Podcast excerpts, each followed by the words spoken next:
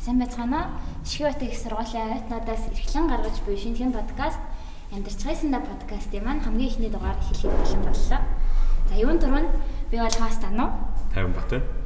За манай подкастын зорилго нь болохоор нэгдсэн үндэсний байгууллагаас гаргасан доктортой урьдчилан зорилтыг залуучуудад таниулах мөн уг зорилтуудын талаар залуучууд ямар мэдлэг, мэдээлэл, үзэл бодолтой байгааг сонсох зорилгоор уг подкастыг бол хийж эхэлж байна. За тэгэхээр өнөөдрийн маань хамгийн ихний зочноод Ших удаг сургуулийн 2 дугаар курсын оюутан Тэнүн Жаргал олцож байна. За танд энэ өдрийн мэндийг хүргэе. Энэ За өдрийн өнөөдөр мэнд үргээ тэнүнэ За өнөөдөр тэгэхээр Тэнүнэтэйгээ ээлтэй хот иргэдийн оролцоо гэсэн сэдвийн дор ярилцахад одоо бэлэн болоод байна.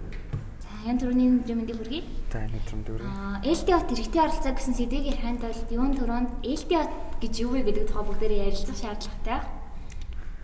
За ээлтэй хот гэдэг нь тухайн хотод амьдарч байгаа иргэдэд зориулсан 5 дахь орчин нөхцөл бүхий хотыг хэлнэ.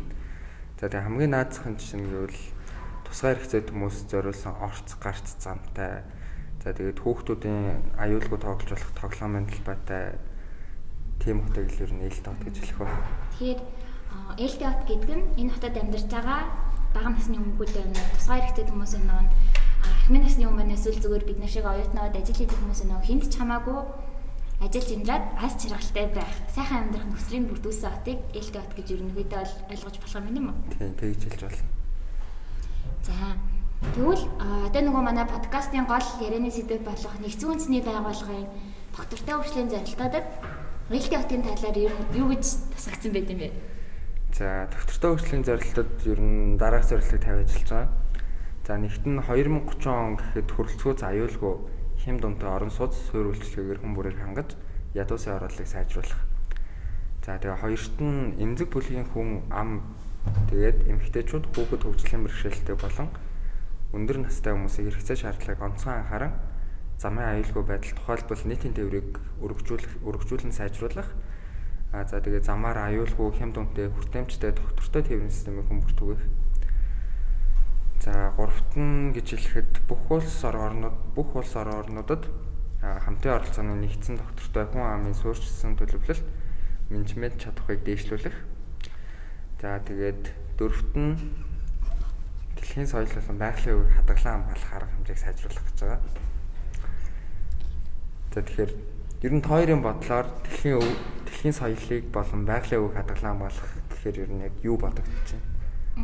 За байгалийн яваг хадгалах хэрэглээд юу ч гэсэн бид нэр тархан цайстай газрууд шилхэмэл богд олон хамгаалах шаардлагатай одоо зүүн болгон бидний очдог хөвсгөл далайдаа ямар нэгэн хог хаягдлгүй хөвсгөл далайхаа эргэн тойрныг айгуу тийм гой цэрхэн байх шаардлагатай гэж бодож байна. За дэлхийн үеийг хамгаалах гэдэг нь мэдээж ээлтэй хот байхын тулд дэлхийн соёлыг бас ингээд өөрийн орондоо түгээн дэлгэрүүлж одоо тий жишээ юм бол барууны орнууд ч юм уу эсвэл энэ Япон, Солонгос үчиг ингээд ногоон байгууламж цэцэрлэгт хүлэмжтэй болоод байгууллагууд дээр террастай хажуудад амьд ургамалтай ч юм уу тийм болохыг ерөөхдөө бол энэ зөвлөлтөд тусгаж өгч байгаа юм байна.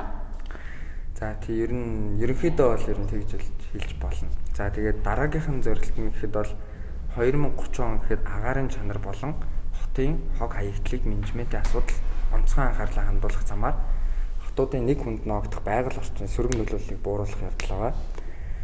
За тэгээд дараагийнх нь 2030 он гэхэд хүн бүрийг ялангуяа эмэгтэйчүүд, хүүхдүүд, өндөр настангууд хөгжлийн бэрхшээлтэй хүмүүсийг аюулгүй бүх талын оролцоог хангасан хүртээмжтэй ногоон болон нийтийн эзэмшлийн талбайгаар хангах гэж байгаа. За тэгээд үндэсний болон бус нутгийн хөгжлийн төлөвлөлтийг сайжруулах замаар хот, хагас суурин газар, хөдөө орон нутгийн хооронд эдийн засаг, нийгэм байгаль орчны үр дүнтэй уялдаа холбоог дэмжих. За ер нь бол ингээд нэгдсэн үндэсний байгууллагын зорилтоос харахад хот хэрэгтэй оролцоог дэмжих нь ерөнхийдөө бол тэр чинь Улаанбаатар хотод хамгийн хэрэгтэй нүүбийн зорилт нь юм байна гэж харж болох юм тийм үү? Одоо гэр хорооллыг басгах, автобус унааг сайжруулах, хог хаягдлыг ангилах, агаарын бохирдлыг бууруулах гэж зэрэгтэй. Тэгж хэлж. За тэгвэл өнөөгийн Монгол улс тэр дундаа Улаанбаатар хот ээлтэй хот мөн таны хувьд Тойрын үед ер нь яг Улаанбаатар ээлтэй хот байж чадж байгаа юм. Аа за Улаанбаатар бол ээлтэй хот миний бодлоор бол биш. Ягаад гэх юм бол өвөл нь амар их хутаатай, зунан цэвэрлэх байгууламжийнхаа өнөр үнэртдэг. Тэгээд тусгай хэрэгцээ хүмүүс юм өндөр настай хүүхд, бага насны хүүхдүүдэд аюулгүй тоглоомын талбай цуун сургуулиасаа гараад л шууд ингээд машины зам гардаг сургуулиуд маш олон байдаг. Тийм болохоор ер нь бол Улаанбаатар бол ээлтэй хот биш. Гэтэ ээлтэй хот болох боломжтой гэж бол би бодож байна.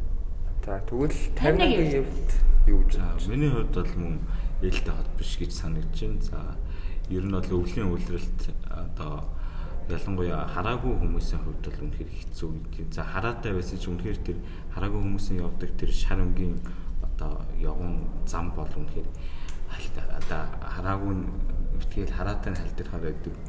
Тэгэхээр өнөөдөр бас энэ нүүбийн зөвлөлтийг Монгол улсын энэ Улаанбаатар хотын одоо хүрээнд одоо хэрэгжүүлэх нь зайлшгүй шаардлагатай л гэж энэ хардаг. За. Тэгвэл манай цочны хувьд ер нь аль Улаанбаатар ээлтэй хот мөн үү эсвэл мөн бол ямар талаараа мөн юм биш бол бид ээлтэй хот болохын тулд ямар зүйлийг энэ хоттой хийх ёстой юм. Манай цочи юу гэж бодож байна? За ямар зүйлийг хийх ёстой вэ гэхлээр хамгийн их нь дор бүрнээ өөрсдөө яг шаардлага тавих ёстой. Одоо хамгийн наазах нь чинь хогоо бити хай. За тэгээ залуучуудад бол тамхиныхаа иш үлсийг бити хай. За тиймэрхүү зүйлээс л эхлээд ер нь ээлтэй болох. Эхлэл маань эхэлнэ. Тэгээ өнөөдрийн Улаанбаатарын хувьд бол ээлтэй хот гэж хэлэхэд бол хараахан дутуу. Гэхдээ 2030 он гэхэд Улаанбаатар иргэдэд ээлтэй хот болно гэдэгт итгэлтэй байна. За.